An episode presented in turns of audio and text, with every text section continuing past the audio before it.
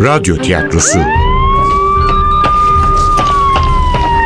Başkomiser Nevzat'ın maceraları başlıyor.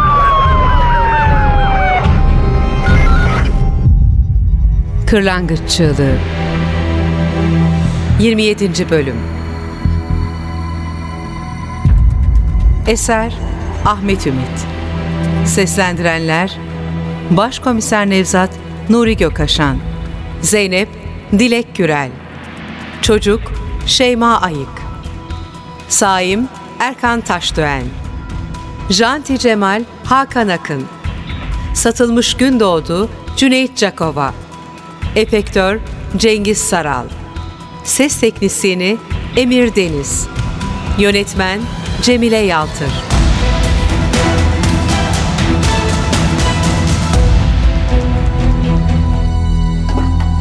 Bir, iki, üç. Ebelik pek güç. Bir, iki, üç. Aydınlığı geç. Bir, iki, üç. Karanlığı seç. Odanın ortasında duruyordu çocuk.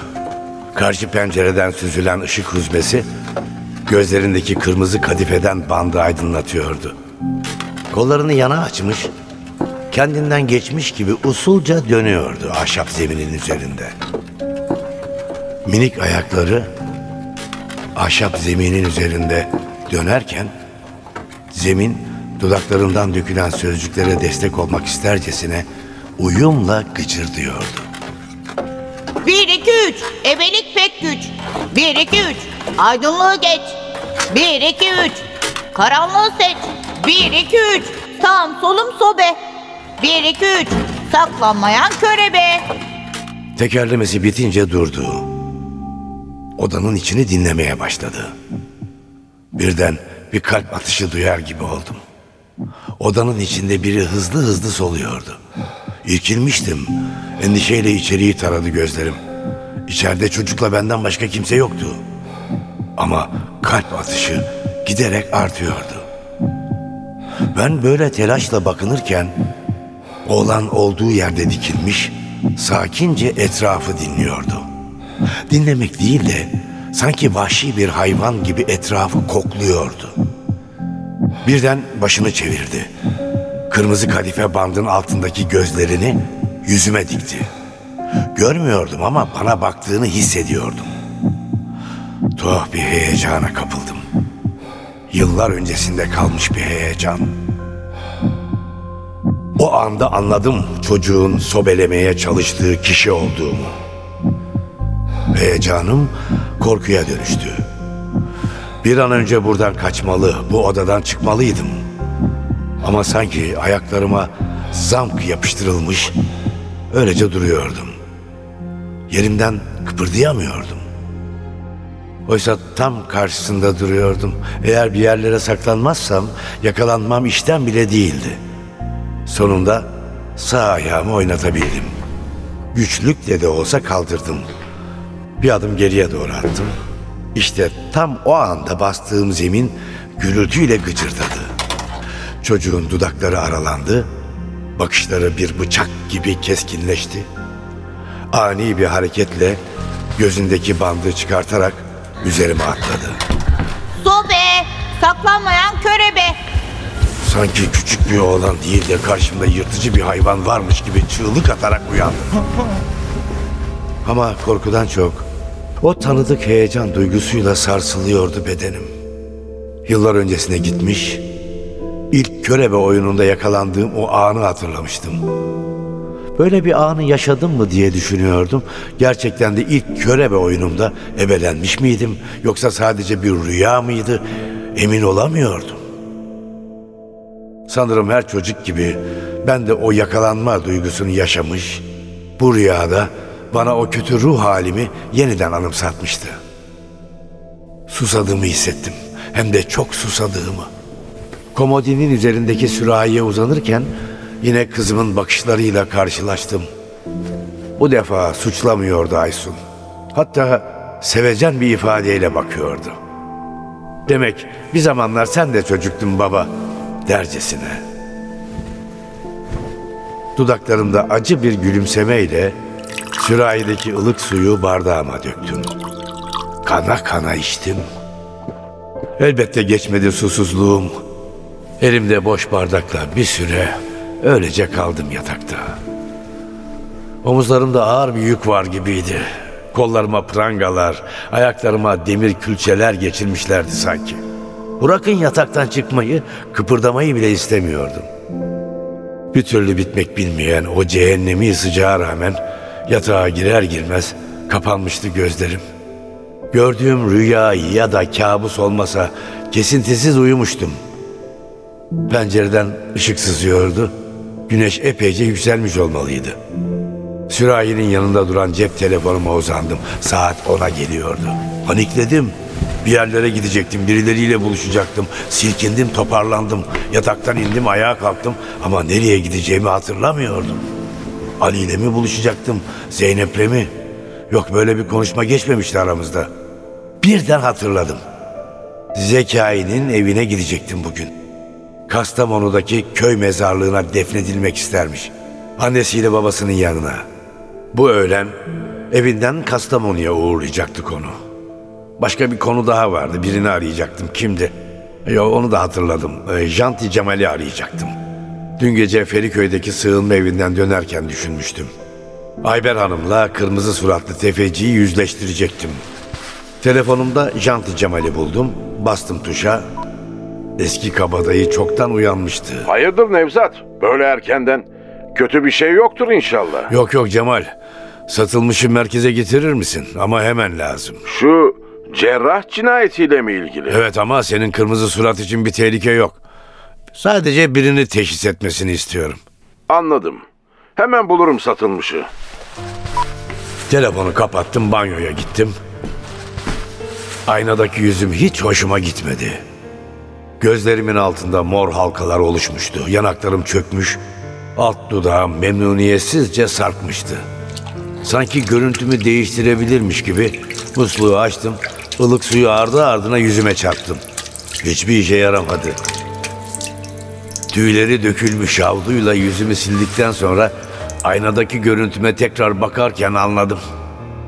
Ah tıraş olmamıştım. E boş vermedim yüzümü gölgeleyen sakaldan kurtulmak için yanaklarımı sabunlamaya başladım.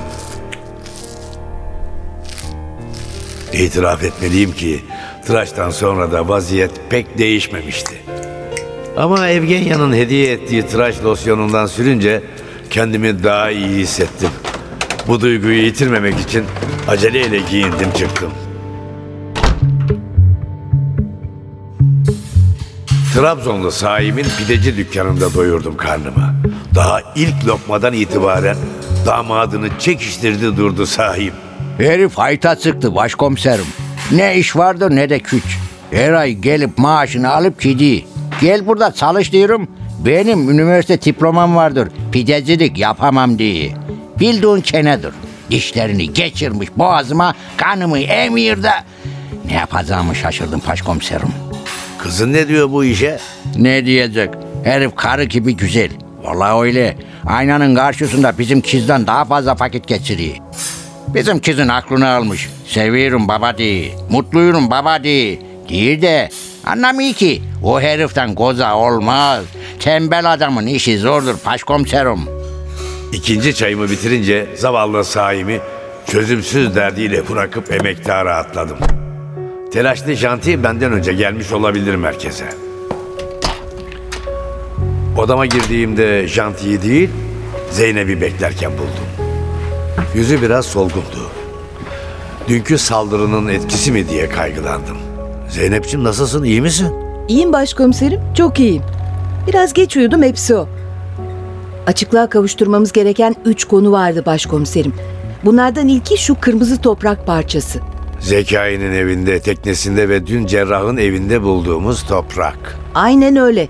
Daha önce de bu malzemenin muhtemelen dekorasyon için kullanılan bir toprak, belki de taş parçası olduğunu söylemiştim. Öyleymiş. Özel bir taş türünü kırmızıya boyamışlar. Oldukça yaygın bir kullanım ağı var. Bahçe dekorasyonunda, sitelerde yürüyüş yollarının sınırlarını çizmede kullanılıyormuş. Sarı çizmeli Mehmet Ağa.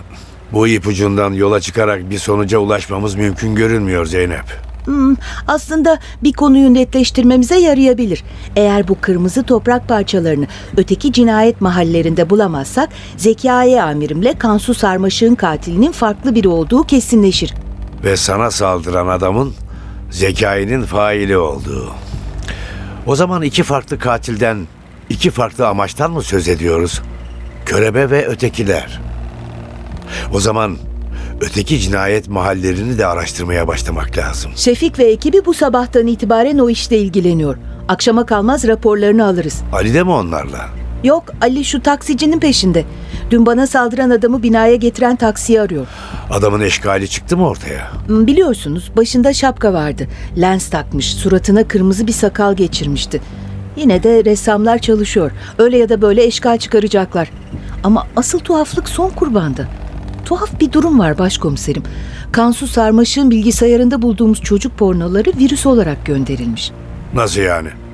Adam izlememiş mi o iğrenç filmleri? Öyle görünüyor.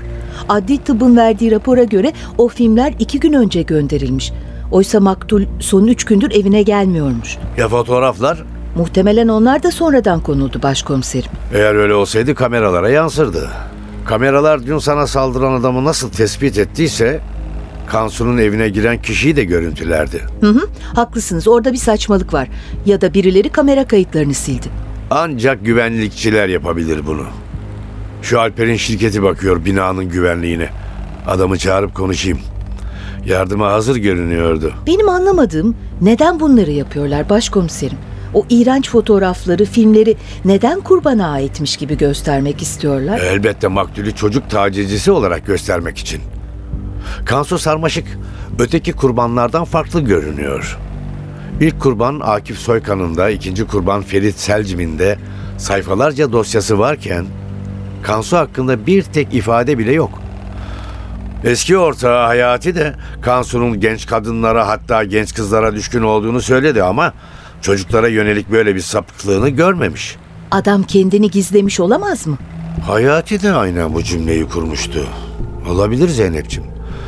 Ama elimizdeki bilgiler şimdilik Kansu'yu öteki kurbanlardan ayırmamız gerektiğini söylüyor. Zeynep, şu virüsleri gönderenleri tespit edebildik mi? Edemedik başkomiserim. Sahte adresler üzerinden yapılmış bir internet kafeden. Ama araştırmayı sürdürüyorlar. Biliyorsunuz dün apar topar adli tıbba koştum. Sağ olsun çocuklar kırmadı. Gece mesaisi yaptılar. Ne yazık ki elde ettiğimiz sonuç bu. Hmm. Kusura bakmayın. işler biraz ağır ilerliyor. Biliyorum Zeynep'ciğim. Böyle olur zaten. Can sıkacak bir durum yok. Yakında bazı ipuçlarına ulaşacağımızı düşünüyorum. Sonunda bir koridor açılıyor önümüzde. Bu sadece tahmin Zeynep'ciğim.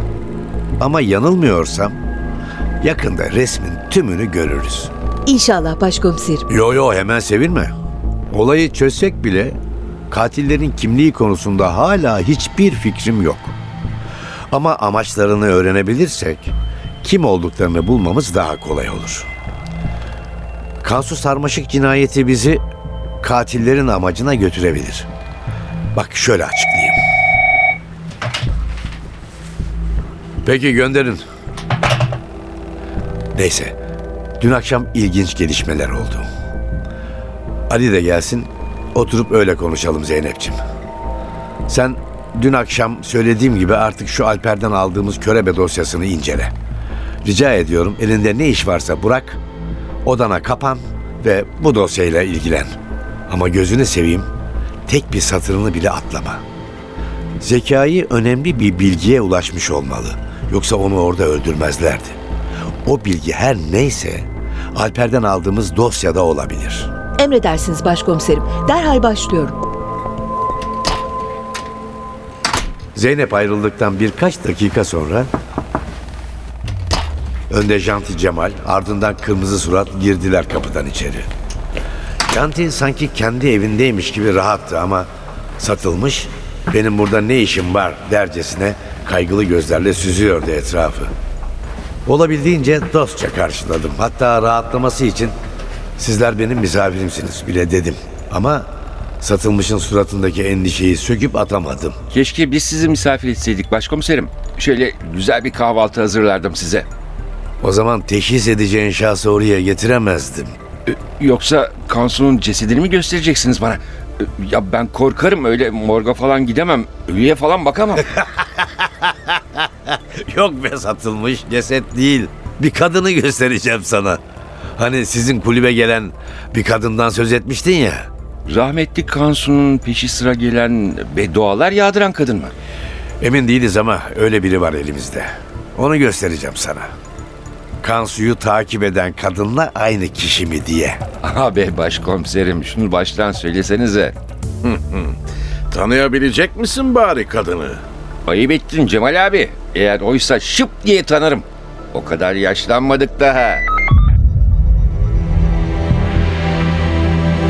Kırlangıç Çığlığı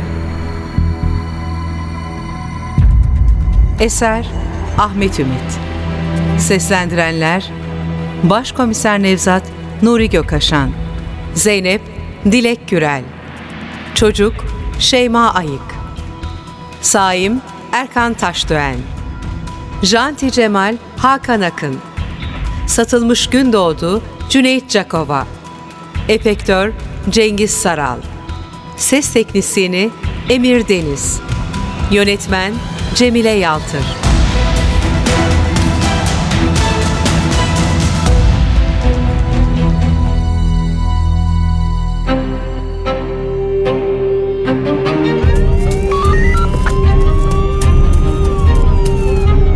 Radyo tiyatrosu Başkomiser Nevzat'ın maceraları Başkomiser Nevzat'ın maceraları her cumartesi 11.15'te NTV Radyo'da. Kaçıranlar ve tekrar dinlemek isteyenler içinse ntvradio.com.tr'deki podcast sayfamızda.